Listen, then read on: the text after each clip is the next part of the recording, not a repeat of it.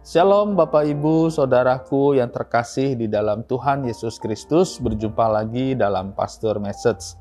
Kali ini saya akan menceritakan pengalaman Rasul Paulus yang ada di kisah para Rasul 27.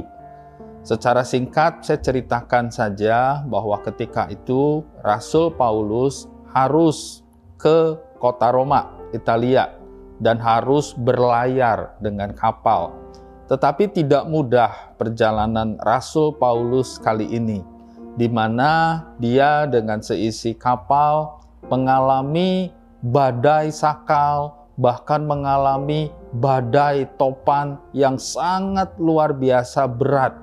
Bahkan dikatakan di kisah para rasul 27, mereka semua nakoda pun sudah menyerah mereka membuang segala harta, segala muatan yang berharga mereka buang.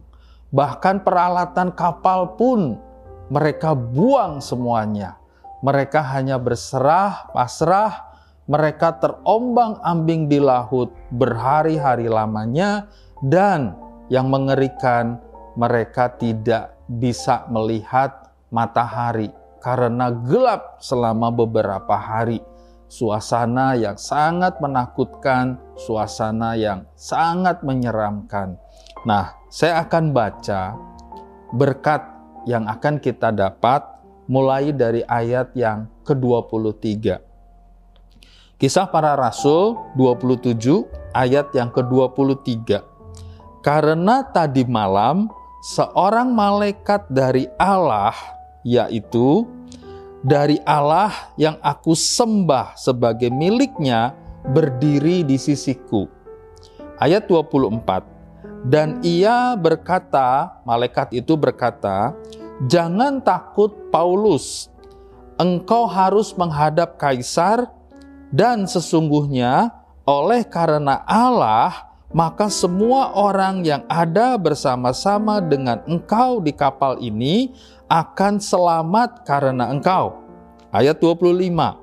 Sebab itu, tabahkanlah hatimu, saudara-saudara, karena aku percaya kepada Allah bahwa semuanya pasti terjadi sama seperti yang dinyatakan kepadaku. Jadi, semuanya pasti akan selamat. Ada tiga hal di sini yang saya dapatkan berkat itu. Yang pertama adalah jangan takut. Kadang kehidupan kita, kita mengalami juga badai kehidupan, masalah atau sakit penyakit, atau masalah apa pun juga yang membuat kita seakan-akan sudah menyerah. Nggak tahu saya harus mau melakukan apa lagi. Tetapi firman Tuhan hari ini mengatakan bahwa jangan takut. Itu yang pertama. Yang kedua, dikatakan bahwa tabahkanlah hatimu. Itu nasihat yang kedua. Ketika kita mengalami satu masalah yang harus kita lakukan, yang kedua adalah tabahkan hati kita. Dan yang terakhir, yang ketiga, ini yang luar biasa percaya kepada Allah. Nah, itu yang Rasul Paulus lakukan dan dia sampaikan buat seluruh isi kapal tiga hal ini. Jangan takut, tabahkanlah hatimu, percayalah kepada Allah. Ada kalanya Bapak Ibu semua, saudaraku, kita harus lakukan juga tiga hal ini. Jangan takut, tabahkanlah hatimu, percayalah kepada Allah.